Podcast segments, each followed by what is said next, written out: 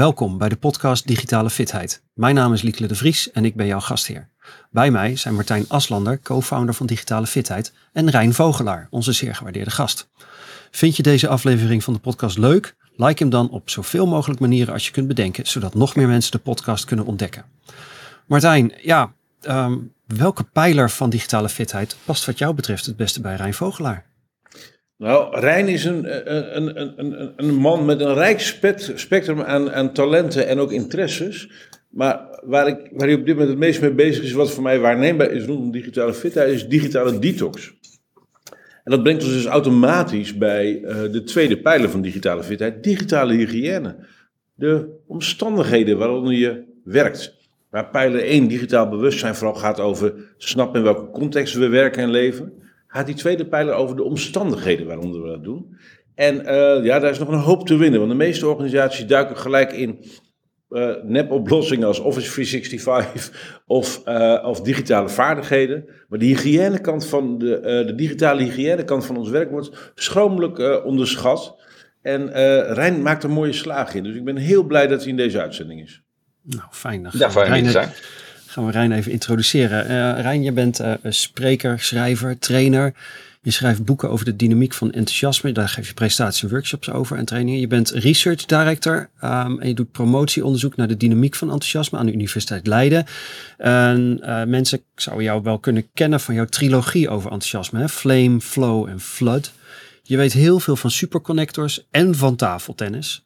En ja, je bent op zoek naar oh, digitaal welzijn en uh, digitale detox hoort daarbij. Van harte welkom, Rijn. Ja, leuk om hier te zijn. Um, uh, ook digitale fit mensen zijn, uh, zijn mensen. En daarom hebben we voor iedere gast dezelfde set van tien vragen.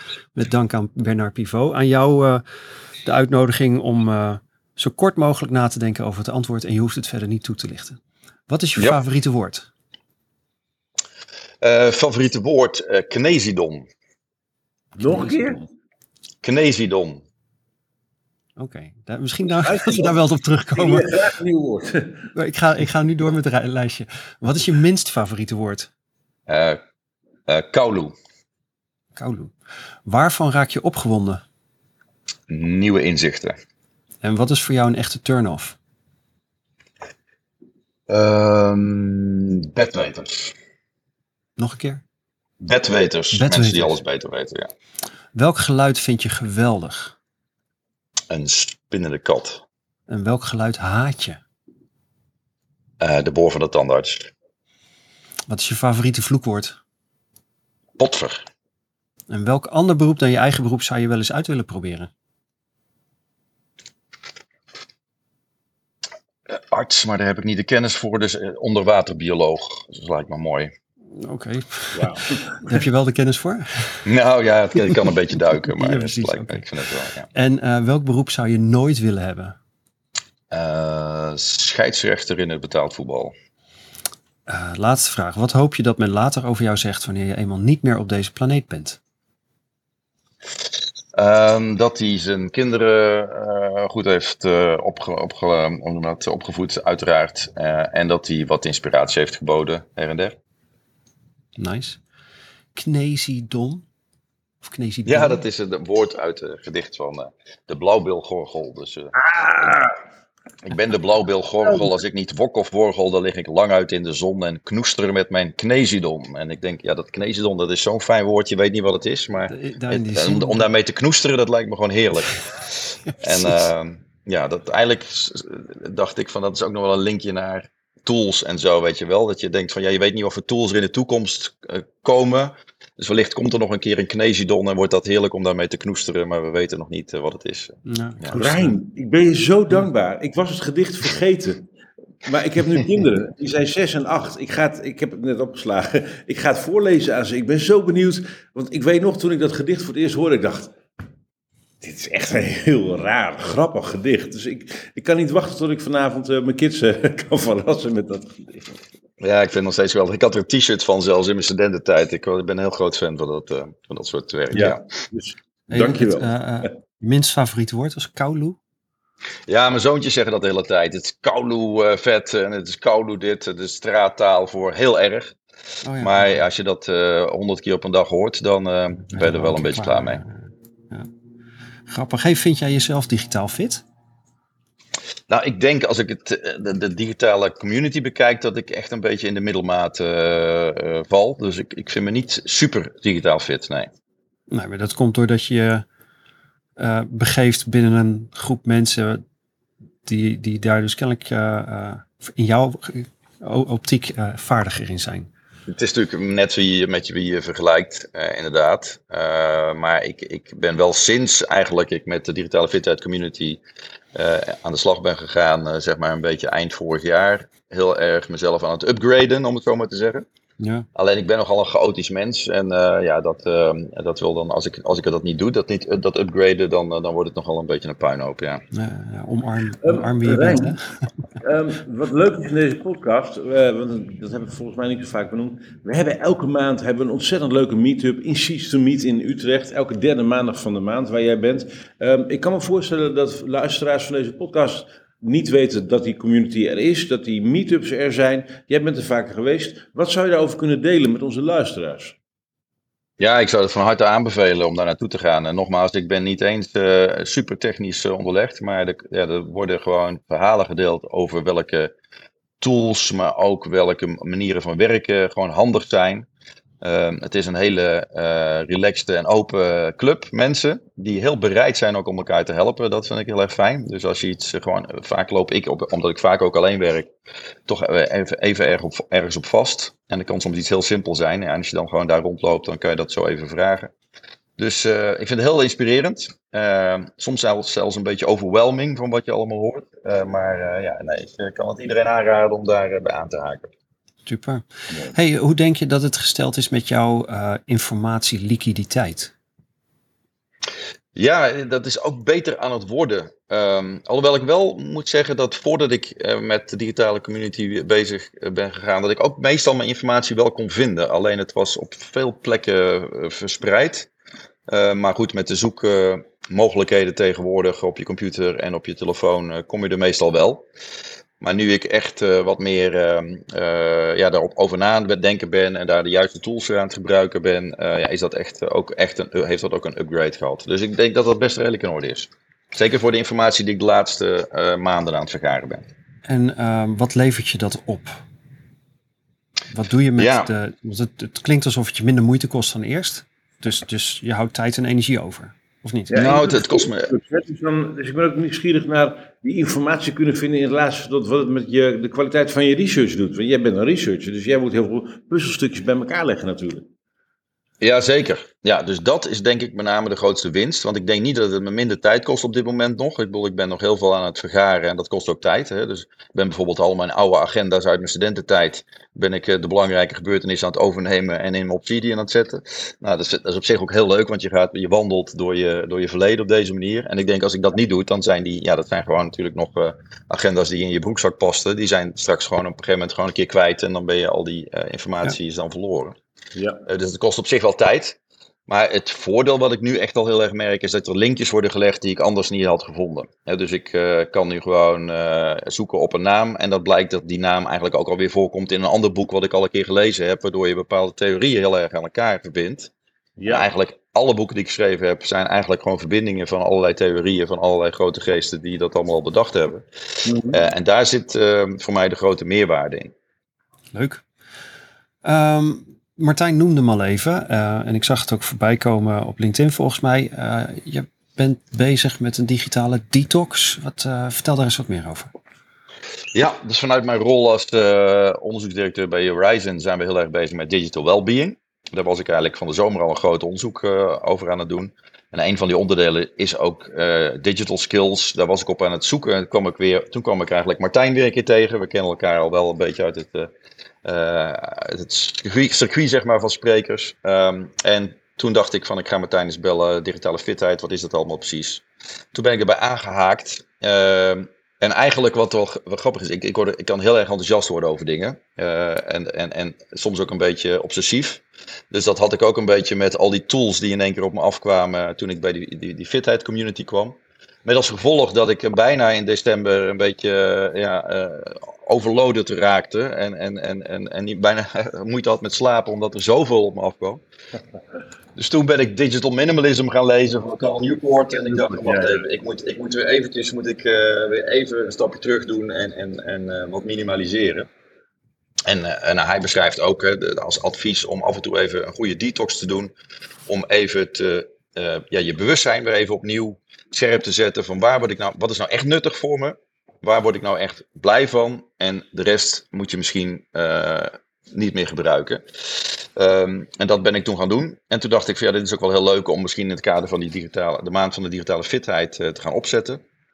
We waren dus al bezig met een soort assessment te maken. Voor een digital well-being assessment, zeg maar. Waarbij je kijkt van hoe sta ik er nou voor ten opzichte van de rest van de wereld of van Nederland of andere studenten. Uh, ben ik nou uh, te veel op mijn telefoon aan het kijken of uh, ben ik dingen aan het doen die me minder gelukkig maken? En toen dacht ik, dat boek lezende, ik denk het wordt wel heel leuk om dan een assessment te doen aan het begin. dus je gaat een assessment, een, een, een detox in. En Carl Newport zegt 30 dagen. Maar ik dacht, ja, als je echt jongeren mee wil krijgen, in ieder geval mijn kinderen zijn 14 en 16, nou 30 dagen is voor hun een lifetime, weet je wel, dat is echt te lang. Maar ik dacht, als je 10 dagen doet, dan kan je echt al wel behoorlijk wat bewustzijn creëren. Dat is overzichtelijk, dat, dat is behapbaar. Uh, en dan na die 10 dagen doe je weer een meting, doe je weer dat, uh, dat well-being assessment. En kan je zien, ja, ben ik nu eigenlijk productiever, creatiever, gelukkiger, enthousiaster geworden? Ben ik meer tijd met mijn vrienden gaan besteden? En, um, en in die 10 dagen kan je dan natuurlijk allerlei adviezen geven. Dus ik dacht dat dat is echt wel een leuke om, om beter te pakken. En ik heb hem ondertussen ook met mijn zoontjes gedaan. En ik moet zeggen, het, is echt, ja, het heeft echt een, een flink effect gehad voor ons gezin. Om het gewoon überhaupt al eens uh, uit te proberen. En, en hoe pak je dat dan aan, een digitale detox? Wat doe je? Ja, zoals ik het uh, eigenlijk. Ja, dat, dat is ook nog een, een, punt. Hè, want voor sommige mensen is, is het onmogelijk om, om jezelf helemaal af te sluiten voor de, voor de technologie. En ik denk dat dat ook niet, uh, niet meer kan in deze tijd. Dus we beginnen dan eigenlijk met het idee van: oké, okay, wat is nou voor jou minimaal digitaal bezig zijn? En dat zal voor iemand die natuurlijk een kantoorbaan heeft, ja, die zal toch zijn mail moeten checken. Uh, ten opzichte misschien iemand die ja, voetbaltrainer is bijvoorbeeld, ja, die zal dat misschien weer minder hoeven. Dus je zal dat een beetje voor, dat zal per persoon toch wel, wel, wel, mm -hmm. verschillen. Um, maar wat ik dan eigenlijk uh, mensen toe, toe, oproep, van nou kijk wat, jou, wat je minimaal mogelijk hebt en plan dat voor jezelf. Dus als je zegt ik moet mailen op een dag, nou plan dat dan om 11 uur even en om 4 uur even, maar verder niet. Hè? Dus, dus dan ben je het toch minimaal aan het inzetten. En hou je daar dan aan. Dus het is eigenlijk op het begin, als je die detox gaat doen, zeg van oké, okay, ik, ik, ik gebruik deze middelen op deze manier. Mm -hmm. uh, voor mij, toen ik de, de challenge met mijn zoontjes deed, was het gewoon schermtijd op de telefoon. Had ik het daar gewoon tot uh, uh, teruggebracht. Want dat is natuurlijk het meest verslavende device, wat we, omdat we het altijd in ons broekzak hebben. Dus toen hebben we gezegd, één uur schermtijd op de telefoon. Nou, dat was al een grote uitdaging. We hebben er toen ook euro's opgezet uh, dat we dat haalden. Ik deed natuurlijk zelf ook mee, dus dat was. Uh, want dat is, dat is het leuke. Als ik tegen mijn zoontjes zeg van leg je telefoon neer, dat is echt kansloos op die leeftijd. Maar als het een challenge is, ja, dan gaan ze in één keer, uh, gaan ze, gingen ze er in één keer wel voor. Dus dat, dat was echt wel heel leuk. Wel lullig dat je die challenge niet kan filmen, omdat je het apparaat niet mag gebruiken. Ja, ja zeker. Ja, ja, ja, ja, ja, ja, dat is dan wel weer het jammer. Maar. Uh, nou goed, ja, dus, dus, dus het, het, is een beetje afhankelijk van in wat voor soort situatie ben je. Mm -hmm. Met wie ga je het doen? Ga je het met je team op het werk doen? Of ga je het misschien in een schoolklas doen? Of ga je het gewoon met je gezin doen? Of doe je het gewoon puur voor jezelf? Uh, maar op het begin stel je dus vast, nou dit is voor mij ongeveer uh, het minimale wat ik nodig heb. En dan ga je elke dag uh, daarmee aan de slag. En, en, en, elke dag geven we dan ook een paar tips. En de eerste, dus, eerste is natuurlijk al Zorg dat het niet in je slaapkamer is, die telefoon. Uh, nou, en, en zo wordt het langzaam zeker ook steeds meer van hoe kan je de tijd die vrijkomt besteden aan offline dingen die je gelukkig maken. Ja. En aan het einde is het dus belangrijk om te evalueren van nou welke zaken heb ik echt gemist omdat, omdat ze gewoon eigenlijk zinvol zijn. Welke zaken heb ik gewoon gemerkt dat ik er gewoon aan verslaafd ben, omdat de techreuzen het zo aantrekkelijk hebben gemaakt dat ik er uh, dopamine van krijg, maar ik word er eigenlijk niet gelukkig van.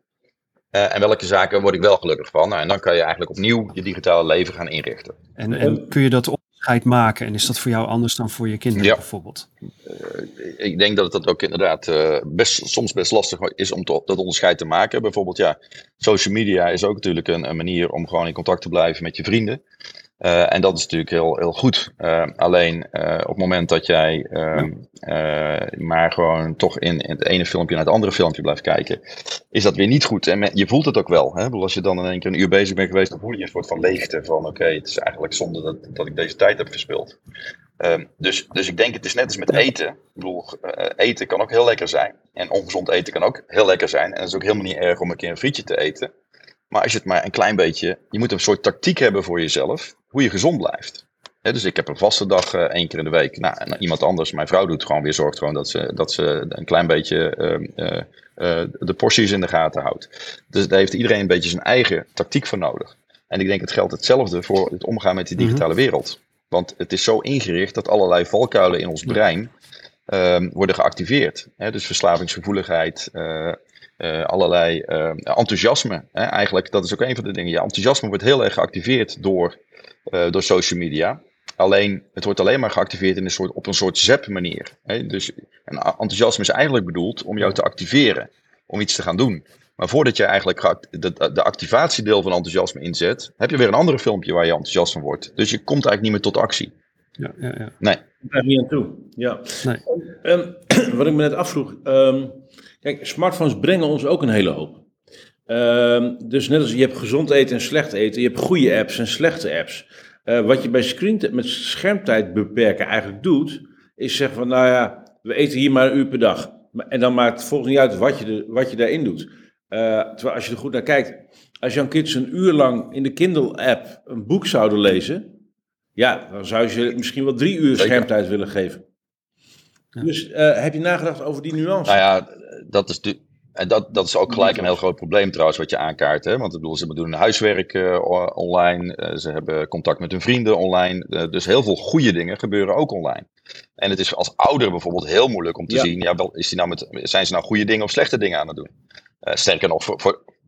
Nou, dat, dat, ja, maar dat kun je afregelen in de settings, heb ik nu met mijn kinderen ontdekt. jij kunt op jouw telefoon bepalen welke apps uh, hoe lang uh, per dag open mogen staan op welke tijdstip. Klopt, maar dat is bij jonge kinderen nog wel te doen. Bij oudere kinderen wordt dat natuurlijk echt al wel lastiger. Hè? Want dan ben je gewoon een politieagent. En ik denk, ja, een jongen van 16 wil je niet meer beperken in wat hij uh, online zou mogen doen.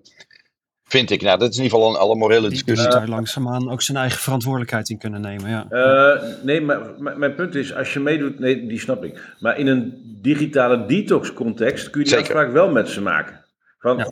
Zullen we eens gaan kijken in het scherm, zullen we deze apps vandaag maximaal een uur doen? Die afspraak kun je met elkaar maken. En dan, en dan kun je Absoluut, dat nee, dat is ook... De, ja, dus dat is ook het idee van die detox, dat het dus niet opgedrongen wordt. Hè, van je moet minder uh, gaan gebruiken, want dat werkt volgens mij nooit zo goed. Maar op het moment dat het dus een challenge is en mensen vinden het leuk om mee te doen, en, en teenagers uh, gaan ook meedoen op, op, op deze manier, uh, en krijgen daardoor een bewustzijn, dan is het denk ik veel effectiever. Ja. ja. en het is dan ook een zoektocht naar um, hè, welke dingen, welke interacties op je telefoon of op je computer zijn uh, waarom belangrijk en relevant. Zodat je inderdaad op een gegeven moment ontdekt, oh nou, Kindle, uh, uh, boeken lezen is gewoon echt superleuk. En daar krijg ik een ander soort energie, energie van. Dus wat het, wat het ook vooral doet, is als je er met elkaar over praat, uh, waarom dan? En hoe voelt dat dan? En hoe, hoe voel je je na een uur van dit en hoe voel je na een uur van dat? Dat je dus veel meer bewustzijn Dat is denk ik het, belangrijkste. En ik denk dat dat uh, al een hele stap is. Um, al merk ik ook wel gelijk, we zijn ook echt gewoon meer offline dingen gaan doen. Uh, ik ben nu aan het schaken met mijn oudste zoon, die dat weer eens een keer uit de kast heeft gehaald.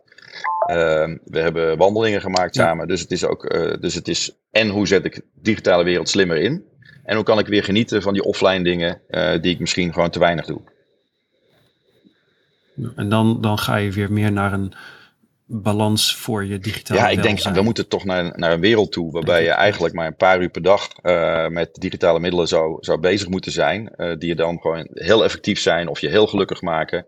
Uh, en dat je de rest van die tijd gewoon met mensen bent en, en daar, waar, waar we gelukkig van worden. Dat zou natuurlijk uh, mooier zijn. Zoals je ook in, af en toe gewoon naar een heel goed restaurant gaat. Hè? Ik bedoel, eten weinig vlees uh, thuis. Maar als je dan naar een restaurant gaat, ja, dan denk je van, nou, eet je één keer gewoon lekker goed vlees. En daar geniet je dan heel erg van. Nou, zo kan het met, met volgens mij de digitale wereld ook gaan. Ja. Veel betere balans. Hey, um, over jouw eigen uh, um, digitaliteiten. welk apparaat gebruik je zo het meest? Um, mijn MacBook of mijn, mijn desktop van Apple, ja. Oké. En, en welke apps gebruik nou, je? ik ben sinds dus uh, met, uh, ik met de community bezig ben, uh, erg in Obsidian gedoken. Dus dat, daar ben ik eigenlijk heel blij mee. Dus dat gebruik ik veel. Um, en verder heb ik natuurlijk de programma's om presentaties te maken en, en, en, en, en, en tekst, tekstprogramma's. Um, ja. ja. En, maar dan, dan weet ik denk ik het antwoord op deze vraag ook al. Welke af, app is er het afgelopen jaar bijgekomen die je niet Ja, er zijn er heel veel bijgekomen. Maar inderdaad, Obsidian ben ik wel heel enthousiast over. Text Sniper, uh, BrainTos, uh, weet je, allemaal dingen die ik uh, ben gaan gebruiken. Ook zaken die ik even, ben, even enthousiast over was en daarna weer ben, ben, mee, mee ben gestopt. Of ja, iets anders ben gaan gebruiken.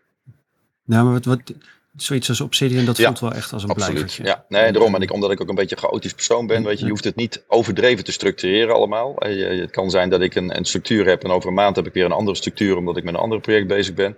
Maar je kan alles blijven vinden en alles aan elkaar blijven linken. Dus dan uh, hou je die toegevoegde waarde van al die dingen die je in het verleden hebt gedaan, uh, uh, op die manier toch ja, voor jezelf. Ja. Hey, in, in jouw onderzoek naar um, uh, digitaal welbevinden. Uh, je bent nu al een tijdje bezig. Heb je al een soort van eerste beeld van hoe dat voor de ja. mensheid is?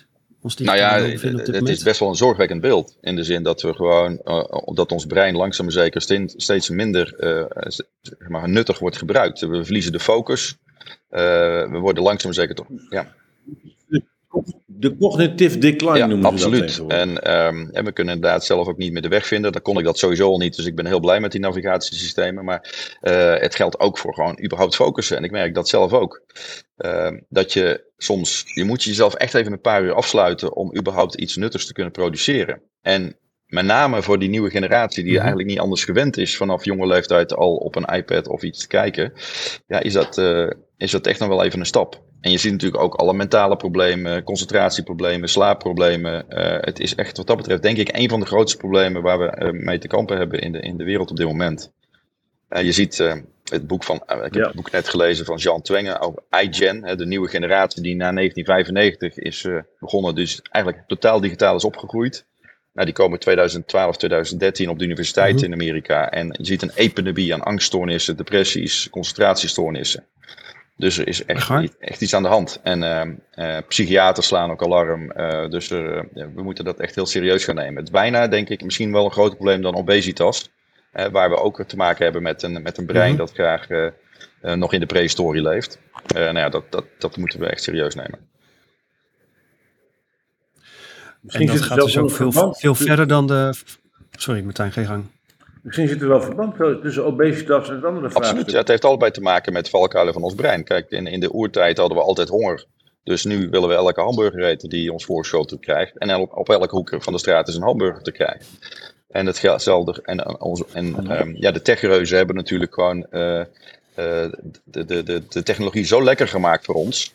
Dat, ons, uh, ja, dat het heel verslaving gevoelig is. Maar dat betekent ook dat we dus uh, uh, voor onszelf een, een, een, tactiek moeten bedenken om, daar, om nog een leven over te houden.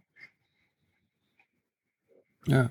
In een andere aflevering van deze podcast spraken we met uh, Marloes de Haan over, en zij noemt zichzelf een nomofoob. Hè, de, de, de, Engelse term voor no more mobile phone. Dat is dit, een soort van, ja, afkikverschijnselen die je krijgt als je mobiele telefoon uh, uitstaat of niet in de buurt is.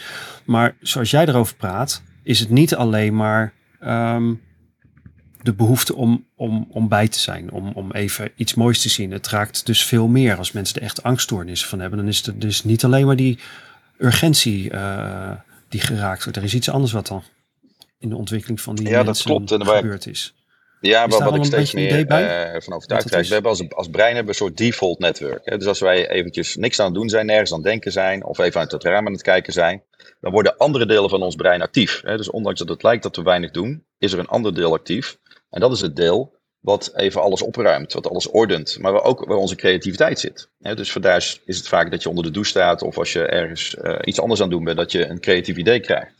Dat betekent, het brein is gewoon heel actief bezig. Mm en wat er aan de hand is, is dat nu dat, dat deel van het brein wordt eigenlijk helemaal niet meer uh, geactiveerd als je continu maar op je mobiele telefoon het het volgende leuke item voorgeschoteld krijgt, dan, dan je, je, shot niet, je, je, je, je schakelt niet meer uit. En dat heb je nodig. En ik denk dus dat het, nee. A zie je dus dat het dus um, veel minder creativiteit, uh, men, mensen steeds minder creatief zijn. Er, is, er, zijn zelfs minder patentaanvragen in de laatste decennia gekomen. Dus eh, zelfs op wereldschaal zien we dit gebeuren. En uh, ik denk dat het dus ook heel erg samenhangt met die angststoornissen. Uh, dat brein dat heeft soms even de tijd nodig om gewoon even alles op te ordenen. Of alles te ordenen. En, uh, en ik moet zeggen, ik heb er zelf mm last van gehad. Ik ben een jaar geleden ben ik ook burn-out geraakt daardoor in, de, in die pandemietijd. Door gewoon te veel van het ene schermpje naar het andere schermpje te gaan. En op een gegeven moment uh, inderdaad paniekaanvallen gekregen. Terwijl ik dat nog nooit in mijn leven had meegemaakt. Dus ik ben wow. daar bijna een jaar mee bezig geweest om daar weer bovenop te komen. Dus vandaar kan ik me er ook heel erg mee relateren. Met, met, met die overload en wat voor effect dat kan hebben. En wat waren de mechanismes die jou hielpen daar weer boven nou, Natuurlijk in eerste instantie heel veel rust nemen en afstand nemen van, van alles, overal mee stoppen. Um, en um, ja, langzaam maar zeker um, het ook weer, ja, dat, dat, is eigenlijk een heel psychologisch proces geweest waarbij je op een gegeven moment weer, want je, slaapt niet meer, en je moet op een gegeven moment ga je vechten om te slapen, waardoor je nog slechter slaapt. En op een gegeven moment kom je daar weer helemaal uit en dan heb je ook heel veel over jezelf geleerd. Um, ja, en nu uh, ook de dingen van je verleden op een rij zetten. Al dat soort zaken die je gewoon weer eens een keer uh, soms moet doen. En, en zeker in die pandemietijd, want ik, heb, heb je dat gewoon veel te weinig gedaan. En je bent gewoon helemaal niet meer aan het nadenken over je leven. Je bent van het ene schermpje naar het andere schermpje aan het gaan. Uh, en, en, en ik ga vaak bijvoorbeeld naar muziekfestivals. En dan heb ik drie dagen waarbij ik alleen maar muziek bekijk en, en nadenk over het leven. Uh, of, of als je op ja. vakantie bent. Hè, dus dat, dus, ook niet. dat nee. hele default netwerk wat soms nodig is. Vakantie, vrienden zien, reizen. Dat deed ik ook veel daarvoor. Weet je, als je in het vliegtuig zit kan je ook niet veel anders dan gewoon eens even nadenken over het leven. Nou, dat, uh, dat heb ik allemaal, ja. denk ik, te weinig gedaan in die periode. En toen ging het op een gegeven moment mis. Ik, ja. ik heb wel vergelijkbare verhalen gehoord van mensen die in de pandemie dan uh, gedwongen waren om vanuit huis te werken. En dus niet hoefden te forensen. En de een die ging dan maar meteen aan de slag. En de ander ging zijn forenstijd uh, invullen met eerst een wandeling.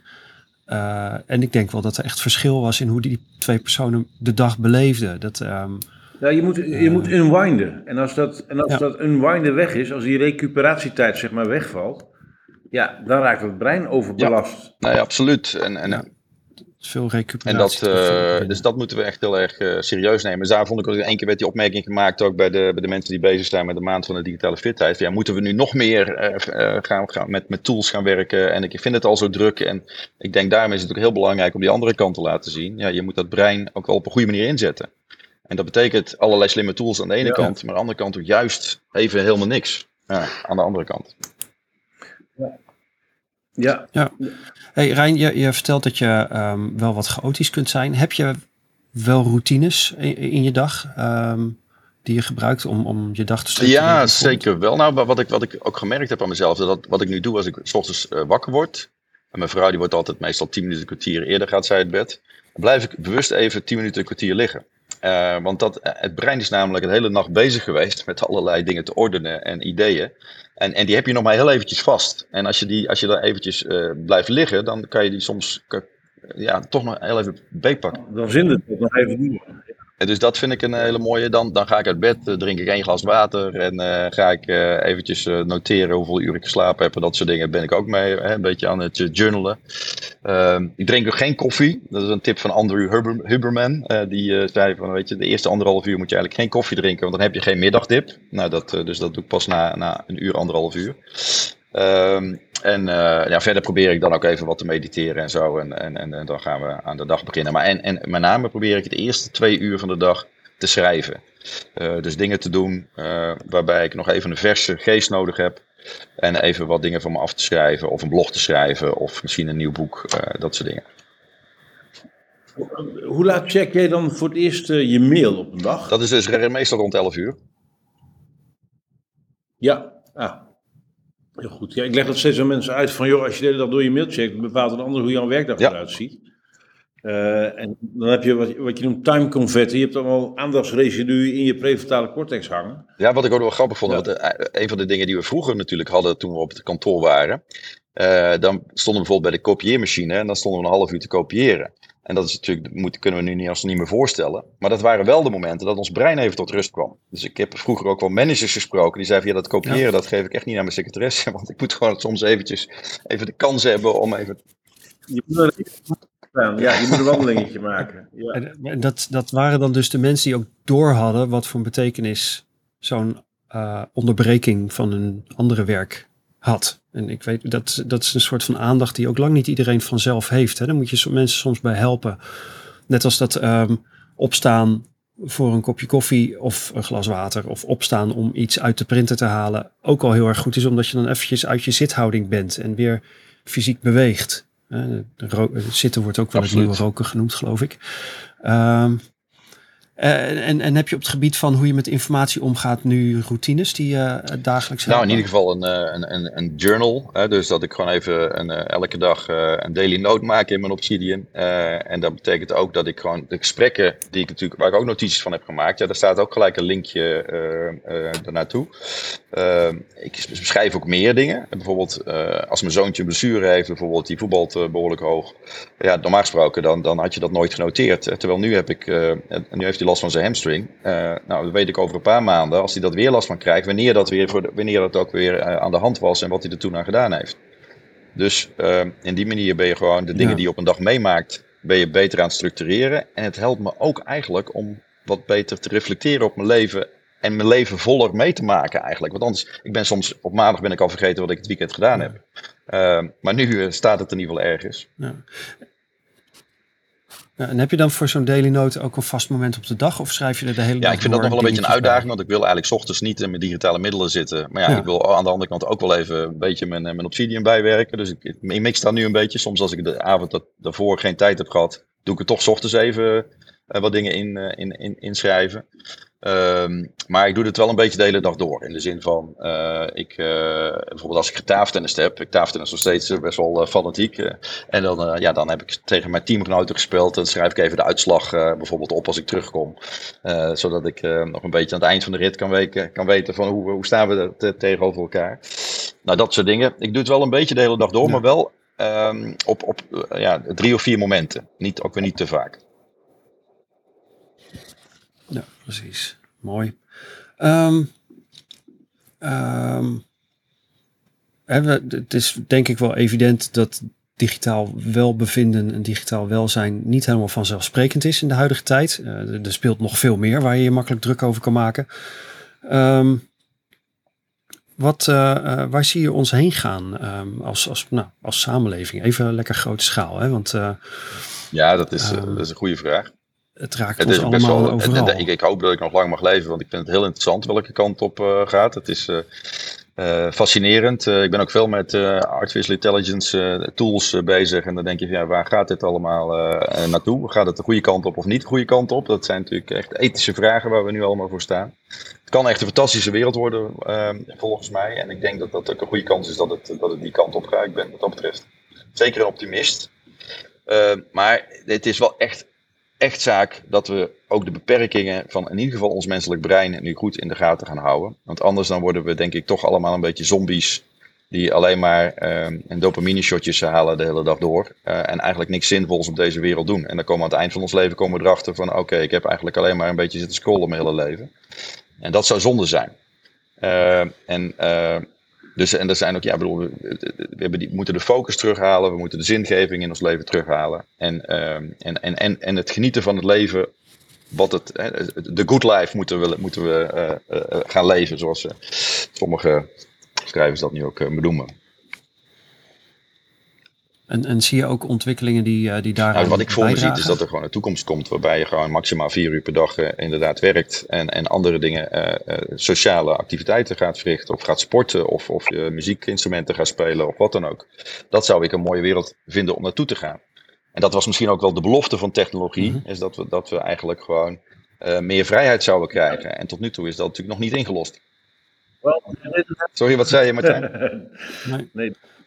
Dat is inderdaad niet gebeurd. Voor de meeste mensen is dat zeker niet gebeurd. En dat is wel de stap die we nu moeten nemen. Want als we dat niet gaan doen, dan worden we denk ik echt de slaaf van de technologie. En uh, we moeten technologie voor ons laten werken en niet andersom. Ja. Ehm, was er in, jouw in jouw leven, want je hebt ondertussen een hoop verschillende dingen gedaan al, um, waren er ook momenten met een soort van doorbraak inzichten rondom je eigen fitheid en je digitale fitheid? Heel veel doorbraken en, en mini-doorbraakjes, denk ik. Nou, wat, wat voor mij wel heel belangrijk is geweest. Ik lees veel boeken. En ik weet dat ik in, denk ik, 2007, 2008 uh, op een gegeven moment erachter kwam, ja, ik lees wel al die boeken, maar drie weken later ben ik eigenlijk vergeten waar ze over gaan. En, en dat was eigenlijk vrij zonde. Dus wat ik toen deed, toen hadden we nog geen Obsidian en zo, toen heb ik gewoon van alle boeken had ik één PowerPoint sheet waarbij ik even de belangrijkste inzichten heb opgeschreven. En aan het eind van het jaar had ik 40, 50 boeken mm -hmm. gelezen.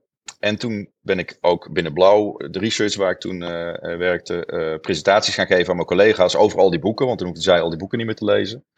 En toen mm -hmm. kwam eigenlijk in één keer, viel mij het idee in voor uh, het, de superpromotor. Dus dat was mijn eerste boek. En dat was eigenlijk gewoon een, een, ja, een samenbrengsel van al die boeken en die inzichten tegelijkertijd. En, en dat was voor mij eigenlijk wel een, wel een inzicht. Dat we gewoon de kennis die we allemaal vergaren, ja, die kan zo verdwijnen. Maar op het moment dat je ze op een bepaalde manier ordent mm -hmm. en neerzet, al is het alleen maar als geheugensteuntje, dan gebeuren er in één keer fantastische dingen. Nou, en, en dat boek wat ik toen geschreven heb, dat is echt totaal mijn leven ja. veranderd. Dus ik denk dat dat, dat, wel, dat wel een belangrijke doorbraak was. Maar, en dat begon eigenlijk met dat je realiseerde van, ja, zoveel als ik lees, zoveel blijft er niet hangen. Ja, want ik kan wel heel erg geïnspireerd worden door een boek. Maar om het, um, uh, als je het echt gaat linken ook weer naar al die andere boeken die geschreven zijn, ja, dan wordt het echt een, een, een 1 en 1 is 3 of misschien wel een 1 en 1 is 100 uh, aan, aan inzichten die je hebt. En dan kan je het ook een plekje geven en kan je in één ja. keer ook al die andere boeken weer uh, terughalen en begrijpen. Dus je begripsniveau wordt dan echt, echt exponentieel veel groter. Mooi. Um, zou je nog digitaal fit nou, zeker. Nou, nogmaals, ik ben een middelmaat uh, uh, en ik, uh, ik ben nog heel erg aan het zoeken naar hoe ik dingen ga gebruiken. ik heb ook een, hoe heet het, een Stream Deck bijvoorbeeld. Nou, en nu, zie ik dat ik dat eigenlijk alweer langzaam maar zeker weinig ga gebruiken. Alleen maar om bepaalde websites op te zoeken. Dan denk ik van ja, dat, dat is eigenlijk zonde. Want op, op het moment dat ik het ging gebruiken, was ik er super enthousiast over. Dan langzaam maar zeker gebruik ik het steeds, steeds minder.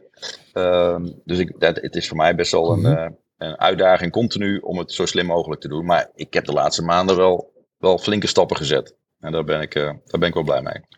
Ja. ja. Nou, misschien gaat het ook zo met verschillende Ik denk dat dat niet anders kan. Dus je ziet wat er natuurlijk allemaal weer voor nieuwe dingen op je afkomt. Ja. En uh, ja, daar moet je gewoon een beetje mee blijven uitproberen. En het is wat dat betreft, uh, ja, dat is zeker nooit af. En, en ik, ja, ik leer gewoon heel veel van andere mensen. Dat, dat vind ik ook heel leuk. Ja.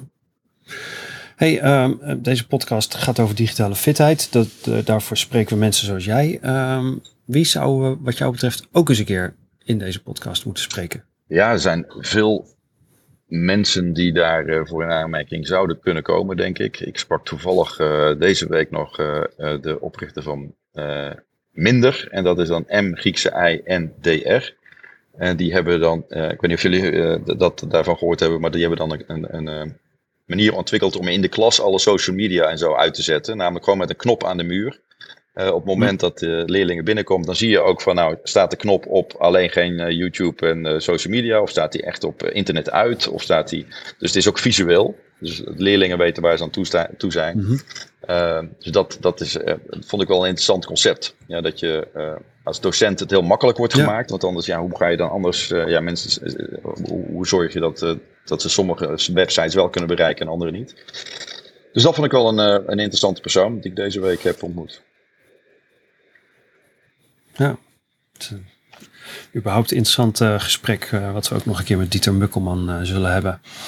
Over ja, ja. apparaten in de klas. Um, Martijn, wat, wat moeten we nog van Rijn weten voordat we een einde breien aan deze podcast? Mm.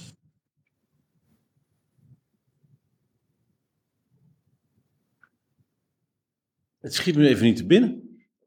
Oh, heerlijk te ja. luisteren. Denk ik, oh, mooi, fijn. Leuk. Ja, wat nog wel leeg gevraagd. En, uh, en, goed. En, en, nou, ik zat nog ja, te denken wat nog wel uh, misschien een leuk is om even te behandelen. Want waar ik zelf uh, ook misschien mezelf mijn tweede deel van mijn promotie over wil gaan inrichten. is dat ik dus het gevoel heb dat we mhm. onze creativiteit kwijt aan het raken zijn. En, en, en, ehm, en, en, de, en de link met enthousiasme, want dat is natuurlijk mijn oorspronkelijke thema altijd geweest. Um, dat, um, dat ik dacht van ja, is het nou zo dat, dat, dat die digitale wereld minder of meer enthousiasme oproept? En het is denk ik eerder meer dan minder. Hè? Bedoel, we worden enthousiast over allerlei dingen. Maar dat... Je kunt meer dingen zien waar je enthousiast Precies, wordt, toch? De kans op een match dat met iets dat resoneert bij jou is groter dan wanneer je de digitale componenten niet bij hebt. Of je moet in een bibliotheek Absoluut. gewoon. Dus aan de ene kant krijg je heel veel input die je kan gebruiken. Ehm, alleen, uh, waar ik me een beetje zorgen over maak, is dat die input eigenlijk wordt, ja, uh, op, op, een, op een blaadje wordt aangeboden. In een algoritme wat niet door jou bepaald is, maar door, door anderen. En dat jouw creativiteit op die manier ook heel erg uh, gestuurd wordt. Tenzij je eruit breekt en zorgt dat je vanuit allerlei verschillende bronnen je informatie uh, haalt. Maar als jij gewoon de rabbit hole ingaat en bijvoorbeeld alleen maar in jouw. Ja, en dat, dat, en, het, en het, wat ik dus ook massaal zie gebeuren, is dat mensen niet meer de stap nemen naar zelf iets doen met die creativiteit. Ik zie dat al bij mijn kinderen. Ik bedoel, ik schreef vroeger gedichten en ik schreef verhalen en maakte tekeningen. Ja, dat, dat gebeurt allemaal niet meer. Maar nou, dingen van ja, Lego. Nu, ja. ja. Dat is interessant, want toen ik met Lego speelde vroeger, wilde ik, uh, uh, dan kreeg je een doos, dan zet je het ding één keer in elkaar. En dan haal je het uit elkaar om er andere dingen van te maken. En de kinderen van tegenwoordig zijn in een rap tempo, die houden zich aan het boekje. dus met Lego spelen is voor hun niet uh, dingen creëren met al die, al die verschillende dozen die je ooit gehad hebt. Nee, met Lego spelen is volgens het boekje het ding in elkaar zetten. En dat is met Lego ja, precies. En is het ook niet zo dat wij dan langzaam zeker de, de creativiteit gebruiken van de, van de tools. En zoals de toolset voor ons al eigenlijk hebben bedacht. Hè? In plaats van dat we zelf uh, eens even een, een, een, tekening of een gedicht maken of, of iets dergelijks. Daar maak ik me een beetje, een beetje zorgen over. Want ik denk namelijk die echte creativiteit die de grootste inzichten brengt. Die hebben we keihard nodig in de mhm. komende twintig jaar. Voor allerlei grote problemen, om allerlei grote problemen in de wereld op te lossen. Um, en er zijn dus wat tekenen dat het daar steeds meer aan begint te schorten. Uh, door gebrek aan focus, door uh, eigenlijk gebrek aan uh, totaal nieuwe ideeën, omdat het al wordt voorgeschoteld. En ja, en er zit een culturele dimensie doorheen, want het is uh, op een bepaalde manier onveiliger om buiten de groep te zijn en een afwijkend standpunt in te nemen. Terwijl we die afwijkende standpunten nodig hebben om aan de boom te schudden en andere perspectieven. Er is minder tolerantie voor andere perspectieven. Dus dat is ook nog een, een punt wat daarbij komt. En, uh, en uh, nou, dat zien we nu ook in de discussie over de literatuur en waar mag je wel en niet over schrijven. En dat is natuurlijk echt een, ja. uh, een, een, zorgwekkende richting als dat, als, als dat wordt ingeperkt. Ehm, dat beperkt onze vrijheid in ja. en dat beperkt dus ook onze creativiteit in. Dus dat is nog wel een punt eh, van zorg. Ja, en dan, dan zou je denken dat de beste manier om te ontdekken hoe je met digitalisering omgaat, is door vooral even niet digitaal naar buiten te gaan. Contact te zoeken met andere mensen, een gesprek te voeren. Het, het, is werkgereedschap dat de frictie tussen wat je wil gedaan krijgen en gedaan krijgt, zo klein mogelijk moet maken. En elke als het misgaat rondom digitalisering, is dat de frictie te hoog is. Ja, of, of, of omdat het uh, um, geoptimaliseerd is voor nou, nou verslavingsachtige aspecten. Uh, uh, en je dus niet toestaat om na die, die verwondering die je ook vindt bij het kijken van een filmpje, iets te doen met de creativiteit die het getriggerd heeft. Dus, ja. dus dat zou misschien ook nog wel ja een modificatie kunnen zijn. Nou, ik vind het een mooie om. Uh, uh, ik ben heel benieuwd, Rijn, wat je gaat vinden in je onderzoek. Want ik snap dat je. Ik, ik heb zo'n vermoeden dat de hypotheses. Wat, wat jouw hypotheses zijn. uh, ik ben benieuwd wat daarvan komt. Misschien kunnen we het daar in de toekomst over hebben. Voor nu zou ik er een, een eind aan willen breien met jullie wel nemen. Ja.